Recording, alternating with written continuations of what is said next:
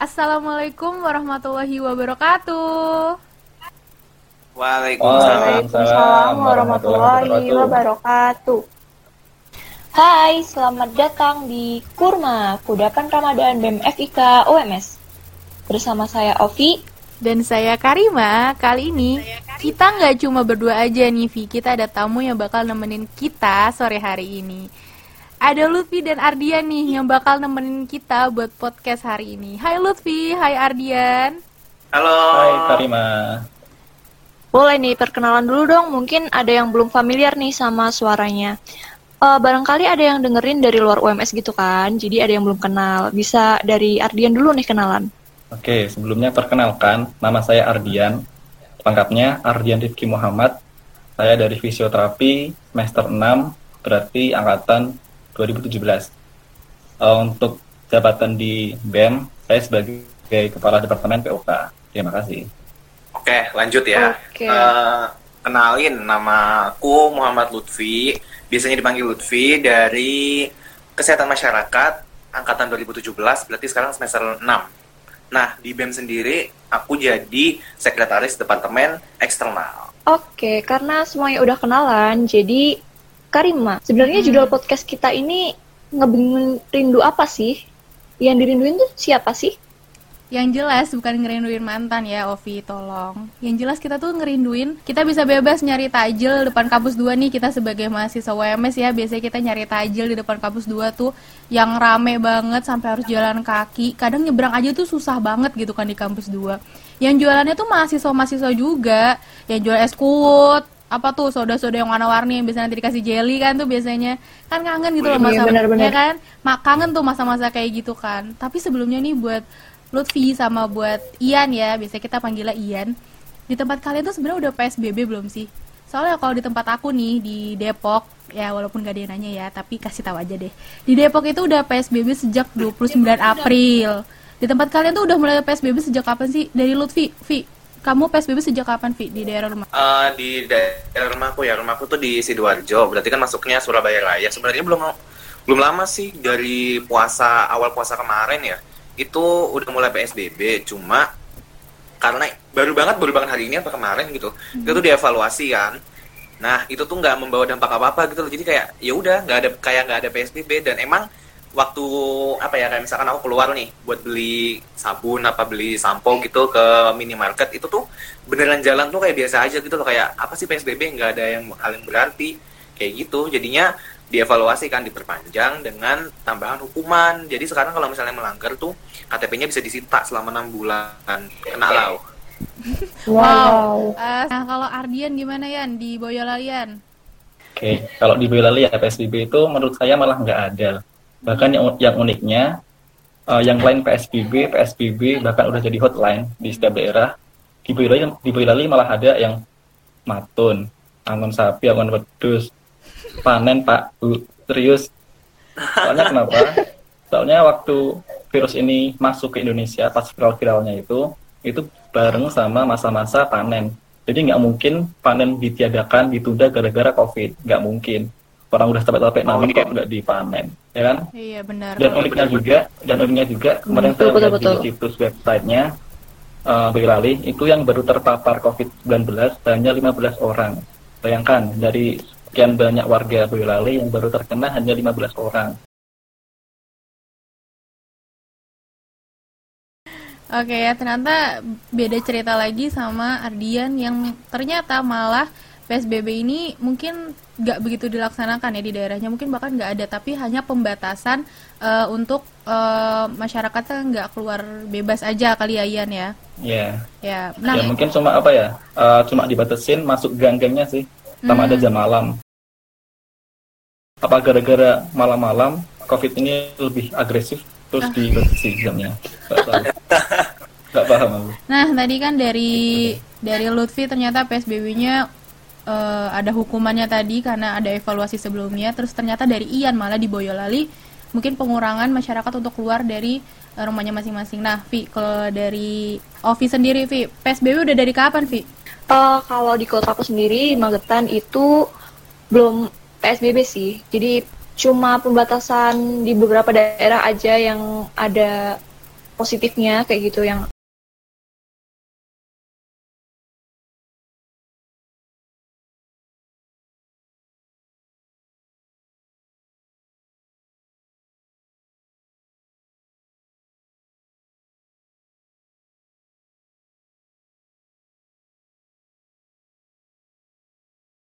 Jadi ternyata PSBB di setiap daerah itu beda-beda ya ternyata. Tadi ada yang baru baru mulai kemarin, mungkin dari aku udah mulai dari udah dari bulan April, terus ternyata dari Ian malah tidak ada dan Ovi juga malah nggak ada hanya pembatasan uh, untuk wilayah aja untuk masyarakat tidak keluar daerah aja.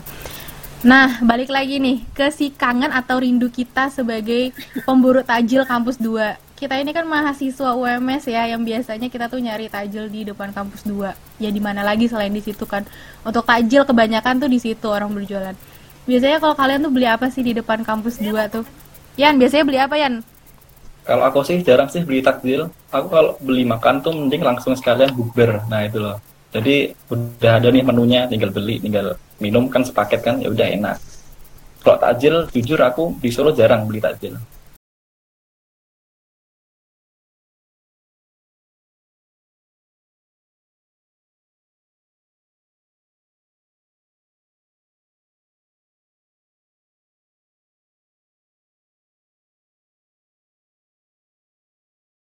biasanya lebih ke minuman sih kalau makanan-makanan kayak gitu jarang. Soalnya kan biasanya tuh ya sama kayak Ian langsung makan aja sekalian kayak gitu. Pas bukber atau nyari masjid biasanya. Nah itu tuh oh, iya. masjid tuh di asalam tuh di asalam oh iya benar benar, benar. cari masjid deket Fremil tuh tuh itu tuh makanannya enak-enak di situ. Tapi ya guys di masa-masa kayak gini tuh kangen banget loh berburu takjil. Maksudnya tuh kalau sekarang tuh kita nggak bisa bebas gitu cari takjil hmm, bener, padahal bener. biasanya dulu tuh cari takjil tuh sampai kalap gitu. Kalau nggak keburu-buru nanti nggak dapet gitu loh. Iya apalagi kalau kuliah sore kan terus sudah penuh gitu jalanan kayak udah bete duluan jadi nggak nggak mood. Nah, kemarin-kemarin tuh kayak alah nih macet nih tak bikin bete. Tapi sekarang tuh kayak oh iya kan tahun lalu macet ya bisa macet-macetan sekarang kok malah di rumah aja. Ya sebenarnya agak kangen juga sih. Ya namanya juga manusia ya ada benernya. Hmm Nah itu makanya kangen banget sebenarnya untuk jadi si pemburu takjil di kampus 2 ini. Dan puasa ini selain kita dulu pemburu takjil, sekarang kita kan jadi pem, jadi berhenti ya untuk jadi pemburu takjil. Ada yang beda kan di antara puasa tahun lalu sama puasa tahun ini gitu kan. Nah selama tiga tahun terakhir kan nih biasanya kita sebagai anak rantau yang baru pulang ke rumah itu kan biasanya kita hamin, hamin seminggu lah sebelum lebaran kan biasanya.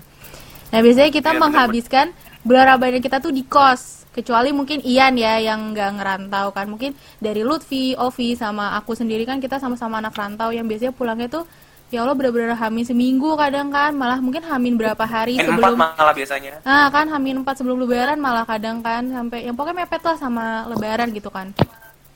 Nah kalau dari aku jujur nih itu beda banget kan. Biasanya di kos itu kadang nih uh, mungkin karena ngerjain tugas atau kita uh, YouTubean kan kadang-kadang tuh bangun sahur tuh suka ketinggalan.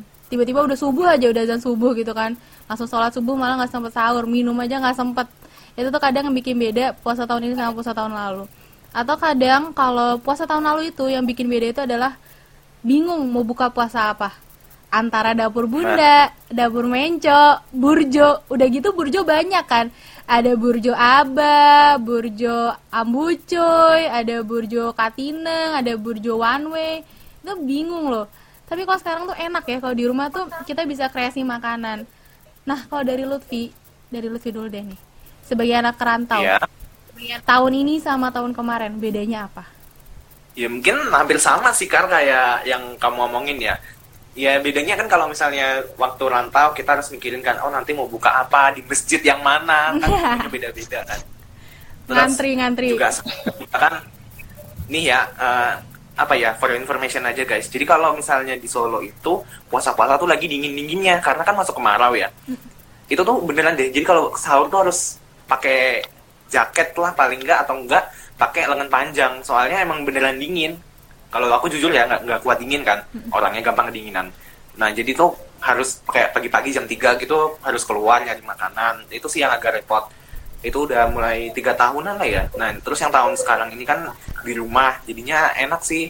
Bedanya itu terus juga kalau mau buka puasa nggak bingung. Paling kayak apa ya bantuin orang tua gitu mau buka puasa pakai apa nanti bikin bikin sesuatu. Kayak gitu sih nggak nggak mesti beli gitu loh sebenarnya ya ada enak nggak enaknya juga sih ya kadang kan kita juga nggak bisa nge-request orang tua bikin apa kayak gitu kan Hmm, bener kayak banget, yang bener. udah ada aja heeh. terus kalau misalnya di rantau juga mau beli malah karena banyaknya pilihan jadi kayak bingung mau makan Iya, apa bener. terus kayak buka juga sama kayak biasanya bingung kayak mau buka apa belum lagi kalau misalnya kelasnya sampai sore ntar pulang macet di Nah, depan nah, kampus dua kan Iya, gitu. bener banget, bener banget kelas gitu. sekarang juga tidak perlu memikirkan buka apa ya gimana ya kayak sebenarnya enak tapi kangen juga sih jadi pemburu takjil kayak gitu Ternyata pemburu takjil yang bikin macet itu tuh ngangenin ya. Nah ini nih beda Iya, lagi. loh.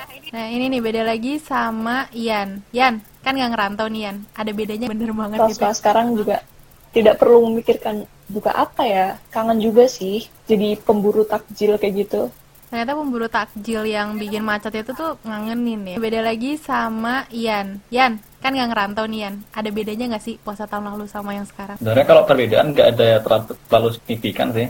Soalnya juga sahur juga di rumah, buka pun juga di rumah. Tapi sih aku ada pengalaman sih sahur sama buka di Solo juga. Hmm. Mau mau aku bilangin nggak? Gimana gimana gimana? gimana Ini agak agak agak unik sih. ini. gimana gimana Jadi kalau sahur nih, kalau sahur aku di rumah sama di Solo itu lebih tetap bangun di Solo. Entah kenapa nggak tahu. Jam setengah empat kan mau mau apa namanya mau eh, bangun. Yan bangun Yan. Ah apa aneh gelap. Apa aneh gelap. Serius kayak gitu. Kalau di Solo aku alarm jam eh, dua lima puluh. Aku bangunnya jam dua empat lima. Itu kayak aduh ini dilema banget aku serius mau lanjut tidur apa mau bangun soalnya eman-eman aku pasang alarm gitu Ininya tuh lebih ini kayaknya kalau apa? makanya itu loh, Bangun tidurnya tuh lebih cepat. responsibility guys oh Iya. diri karena yang bisa mengurusi dirimu hanyalah dirimu sendiri Iya, kalau di rantau Iya. masya allah Siap. Nah itu. kalau di rumah siap kan Upi siap ketiduran dikit kan kayak eh bangun bangun bangun udah mau Iya, imsak soalnya ada yang ada yang bangun. kalau di rumah siap Upi siap ketiduran dikit kan kayak eh bangun bangun bangun udah mau Iya, imsak soalnya ada yang ada yang bangun nih kalau di rumah. Jadinya malas-malas pun juga bisa. Iya bener banget sih, bener. ya paling diteriakin lah Diteriakin sama emak rumah ya. kan kayak banyak juga ya Kar ya bangun bangun bangun bangun Iya benar. Banyak juga ya ternyata perbedaan yang kita alamin, apalagi buat anak rantau nih. Eh, karena tadi nyinggung tentang biasanya nyari buka itu bingung di kangen nggak sih sama yang namanya bukber? Booking tempat terus kayak cepet-cepetan buat dapet tempat juga kayak gitu biar nggak keduluan sama orang gitu loh. Gimana ya dibilang kangen juga enggak tapi dibilang iya juga iya juga ya ya iya juga baruin kalau dari aku sih biasanya bikin panitia kecil-kecilan gitu Yang sih siapa yang lucu tuh biasanya siapa yang misalkan nih dari kelas aku ada ayo, udah bikin gitu. pamflet segala macam share yang nanti dari kelas lain biasanya biasanya ikut kayak gitu loh dari kelas aku ada bukber udah bikin aku pamflet segala macam itu yang share tahun nanti dari kelas lain tuh ya? biasanya 2018 kalau nggak salah jadi kelas aku kan bukber Pokoknya aku yang ingat bikin itu yang apa namanya pamflet dan segala macam. ya? 2018 kalau nggak Kelas salah. lain Jadi, itu juga kelas gitu bukber. loh. Yang lucu tuh biasanya misalkan nih dari kelas aku ada bukber, udah bikin pamflet segala macam, share. Nanti dari kelas lain tuh biasanya ikut kayak gitu loh. Tal- pokoknya aku yang ingat banget itu yang tahun berapa ya? 2018 kalau nggak salah. Jadi kelasku kan bukber, apa namanya pamflet dan segala macam. Terus terus kelas lain tuh juga ikut gitu loh. Jadi waktu hari Oh. Jadi Ah, ada iya, kelas ya. Jadi, Jadi kelas waktu ABC hari H itu ada tiga kelas yang bukber. Jadi kelas Oh, ABC iya, bukber semua. dia. Terinspirasi. Oh, iya, waktu terinspirasi, terinspirasi. dia lucu aja sih, nggak apa-apa kan kegiatan yang bagus. Ah, ah, dia lucu aja. Jadi kelas ABC itu bukber semua. oh iya waktu ya. Terinspirasi, terinspirasi. Ah, ah, dia lucu aja sih, nggak apa-apa kan kegiatan yang bagus. Kalau dari Ian sendiri nih, kira-kira dari bukber itu apa yang dikangen? Oh, jelas kangen dong. Yang dikangen pasti yang pertama kekeluargaan, kebersamaan itu loh.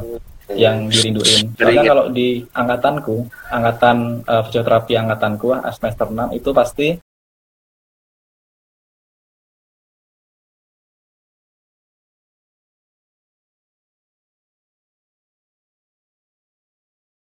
itu hampir setiap tahun dilaksanakan.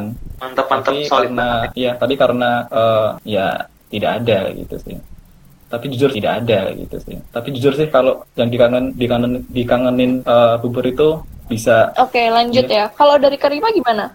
Sedih nggak nggak ada bukber? Atau ada yang dikangenin juga gitu dari bukber? sedih lah sedih banget nggak ada bukber karena tuh di bukber ini entah kenapa ini tuh jadi kayak apa ya momen kita buat ketemu lagi sebenarnya sama orang-orang kan maksudnya biasa kita di kelas cuma hahaha terus ternyata di bukber ini kita bisa ketemu kita bisa ngobrol bareng gitu kan sebenarnya udah udah ngebayangin sih bakal bisa bukber sama teman-teman kelas sama teman-teman ormawa sama teman-teman BEM FIK sendiri pun aku udah ngebayang gitu kan Iya, iya, ramenya rusuhnya Iya, kita gitu kan buat bukber Aku udah bayangin gitu juga. Iya buat buka bareng-bareng gitu kan riuh banget pasti itu kangen banget sih sebenarnya.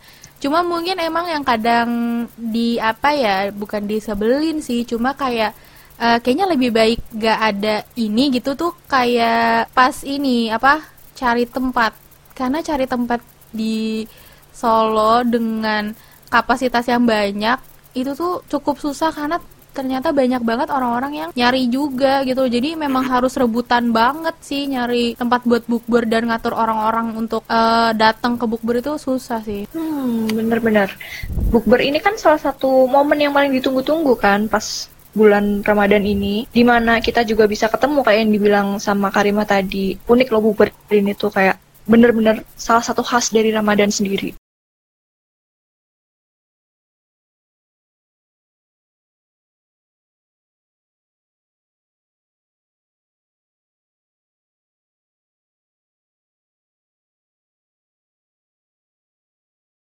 Tiba-tiba aja flashback kayak eh dulu sekolah gini-gini ya dan itu tuh ada di momen bukber ini biasanya kayak unik banget ya bukber ini tuh sebenarnya selain bukber itu sebenarnya di momen Ramadan ini ada juga yang ditunggu-tunggu itu adalah taraweh udah biasa banget sebenarnya kita itu taraweh di masjid ya Bener-bener. terus tiba-tiba kita Iya mau benar-benar. Ya, terus tiba-tiba kita mau nggak mau kita harus eh, tarawehnya tuh di rumah, jamaahnya tuh di rumah atau sholat sendiri di rumah untuk taraweh. Pasti kan feelnya beda banget. Nah, kalau Ian sendiri di sekitar rumah tuh masjid itu masih diperbolehkan nggak sih buat sholat jamaah atau udah nggak ada nih di daerah dekat rumah? Oh, kalau masjid, kalau sholat Jumat, eh, aku aku sendiri nggak ke masjid. Ya, tapi ada yang azan. Tapi mungkin di sana aku aku nggak ikut sholat, di masjid ya. Aku di rumah sholat zuhur biasa. Tapi mungkin kalau di masjid itu mungkin eh, dikasih jarak sih. Satu safnya mungkin eh, berjarak satu meter atau gimana gitu. Sebenarnya di samping rumahku pas ada musola ya, musola kecil. Itu paling yang datang cuma eh, yang di sampingnya musola pas gitu loh. Paling cuma eh, ber 20 orang itu udah udah paling banyak. gitu. Jadi ada yang sholat di rumah sama ada sholat yang di musola gitu. Oh, berarti masjid di sekitar rumah tuh masih di ini ya, masih dibuka untuk Oke, Ya. Kalau dari Lutfi sendiri gimana, Vi? Di rumah, di masjid sekitar rumah tuh masih ada yang ngebolehin sholat jamaah nggak sih? Masih loh malahan. Jadi apa ya? Kalau buat eh, ibadah kayak gitu tuh sebenarnya kan memang di guideline-nya PSBB sebenarnya kan nggak nggak ini ya. Maksudnya kegiatan ibadah di ini kan dulu kayak gitu. Cuma dari masjid dekat rumahku sendiri tuh masih ada dengan catatan dia mengikuti protokol kesehatan gitu loh. Oh, jadi kayak ya mungkin mirip-mirip kayak Ian ya. Jadi kayak dikasih batas gitu loh. Jadi nggak rapat-rapat ininya kayak dikasih apa ya spotlight gitu loh di depan apa softnya. Jadi kayak oh nanti kamu softnya tuh di barisan yang ini yang ini yang ini sesuai dengan si spotlightnya itu tadi. Terus juga apa namanya harus cuci tangan dulu sebelum masuk masjid sama harus pakai masker kayak gitu sih. Dan tapi emang di apa ya dari pemerintahnya sendiri tuh kayak dibebasin gitu loh dalam artian terserah kalau misalnya mau ngadain sholat taraweh ya nggak apa-apa. Tapi nanti resiko tanggung sendiri kayak gitu misalnya aku juga agak bingung mas jadinya kayak lah ini PSBB tapi ada sholat di masjid kan ya bukannya gimana gimana ya maksudnya kayak apa ya bukannya apa ya kegiatan yang mengumpulkan orang banyak tuh bisa. Oke, ternyata dari Ian dan Lutfi ini eh, nggak beda jauh ya eh, untuk masjid ini masih diperbolehkan ya untuk masyarakat itu mau jamaah, cuma paling ada pembatasan dari safnya aja ya, mungkin nggak terlalu mepet ya, nggak kayak jamaah biasanya. Nah kebetulan nih itu kalau di dekat rumahku itu malah udah nggak boleh sebenarnya jamaah di masjid awalnya. Sampai azan aja sebenarnya tuh nggak boleh berkumandang.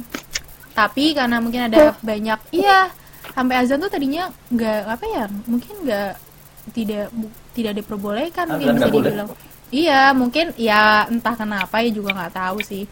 Tapi setelah karena ada proses eh, runding sama masyarakat sekitar akhirnya untuk azan tetap diperbolehkan tapi untuk jamaah nggak boleh. Lebih baik di rumah masing-masing. Nah kalau Ovi sendiri gimana Vi? Kalau di rumah itu masih ini nggak? Jam apa? Masjid masih membuka masyarakat untuk jamaah atau gimana? Eh, kalau di rumah aku sendiri mirip-mirip sama kayak masjid di rumah Upi dong. Gitu jadinya. Soalnya tuh masih boleh ada jamaah, cuma harus mengikuti protokol kesehatan. Jadi kayak harus jaga jarak, terus harus bawa sajadah sendiri kayak gitu. Hmm, bener. Dan harus pakai masker kalau misalnya nggak bawa sajadah atau nggak pakai masker juga diingatkan. masjid masih membuka masyarakat untuk jamaah atau gimana Eh, kalau di rumah aku sendiri mirip-mirip sama kayak masjid di rumah Upi dong.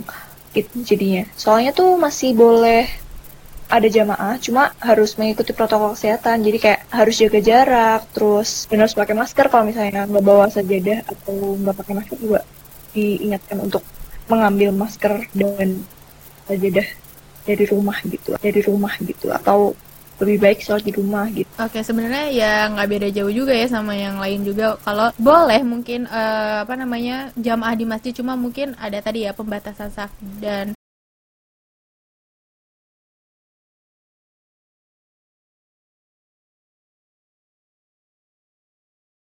Jamaah itu ini nggak di musolanya atau di masjidnya ada ini nggak ada hand sanitizer atau Ada, sabun ada. kah gitu? Tapi ada, kan? Ada. Sebelumnya ada. masuk terus pakai gitu, ha. Heeh, Suka di, ada. dicek dulu suhunya. Terus kayak kayaknya di baru baru ketawa ada kemarin tapi kayak ya Allah kenapa sih mau Gitu mau Tapi ya masuk udah lah masjid ya tuh kayak sering. aja. Heeh, di, dicek dulu ya, pakai suhunya. apa namanya? thermal pengen ketawa sendiri Iya, jadi kayak ya kenapa sih gitu kan tapi ya udah lah ya gue Oh, ikut aja pengen ketawa sendiri jadi kayak ya Allah kenapa sih gitu kan tapi ya udah lah ya gue ikut aja Itu pakai itu ya, pakai apa namanya? Thermal kan Iya thermal gun. Oh, mantap sekali. Gila kok.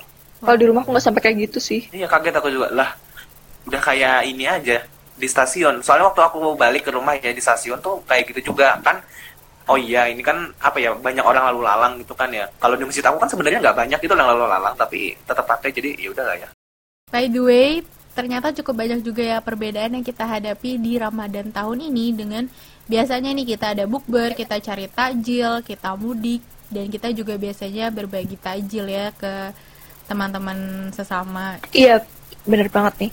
Tapi tentunya itu nggak bikin kita loyo kan pas Ramadan ini. Nah, banyak banget nih yang bisa kita lakuin. Kira-kira apa aja ya? Dari UPI mungkin bisa menjawab apa aja yang bisa kita lakuin di saat Ramadan di tengah pandemi kayak gini. Ramadan di tengah pandemi biasanya ya kuliah online ya kalau itu ngerjain tugas biasanya sih biar nggak numpuk tugasnya kayak apa ya it sound cliche but tapi emang beneran aku emang emang emang ngerjain tugas terus juga bikin bikin takjil sih biasanya kayak kan kalau di kosan kita nggak bisa bikin apa apa gitu kan kayak paling cuma lihat video Instagram apa YouTube kayak pengen ini tapi nggak terrealisasi kalau di rumah kan Iya mumpung bener. ada alat ada bahan gitu kan jadi langsung kayak bikin apa makanan apa kayak gitu yang kita pengenin sebelumnya di kosan nggak bisa terus juga bersih bersih paling kayak ngepel nyapu sambil ngabuburit gitu kan gue buka biasanya sore sore sih kalau aku kayak kelihatan anak rajin banget padahal sebenarnya enggak sih nggak serajin itu Oh. Kalau dari Ian gimana nih? Kira-kira kegiatan apa yang bisa dilakuin di tengah Kalau pandemi aku kayak gini? selama pandemi ini, selama Ramadan ini kan banyak nih eh, kelas-kelas online bahkan dari luar-luar kampus. Nah itu aku banyak ikut nih bahkan di grup eh, WA aku ada banyak ada tiga atau ada lima grup eh, kelas online. Jadi bingung juga aku. Kadang aku skip skip doang. Terus, jadi nunggu selesai dulu terus nunggu eh, ada sinyal baru tak download, tak download, tak download. Terus didengerin gitu sih. Tapi itu ber- bermanfaat banget sih daripada cuma bengong kan. Sama ini push rank. gitu. Jangan lupa push rank. Oke, oke.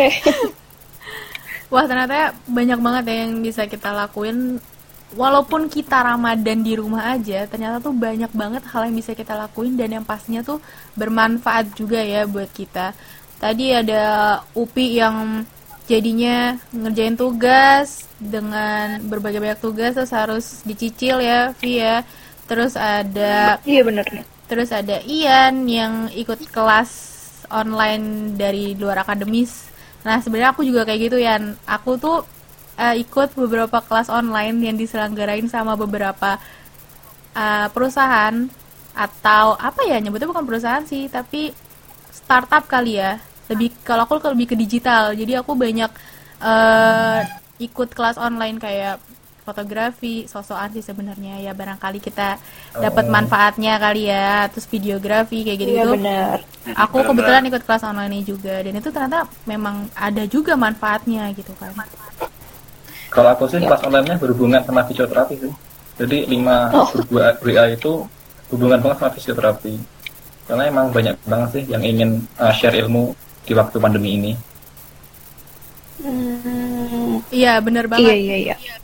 banyak banget sekarang tuh em, dari ormawa-ormawa juga kan banyak banget nih eh, organisasi organisasi organisasi yang ngebuat kelas online yang ya pastinya bermanfaat. Dan itu berkaitan juga kan biasanya entah itu dalam agama atau sekarang lagi kan lagi Ramadan gini kan biasanya lebih banyak apa ya mencari ilmu agamanya juga lebih. Terus dengan kita yang lagi kelas online gini juga banyak banget di luar kelas online yang biasanya diadain sama dosen-dosen itu juga banyak yang ngasih ilmu lagi gitu kan. Banyak sih kayak gitu bermanfaat juga.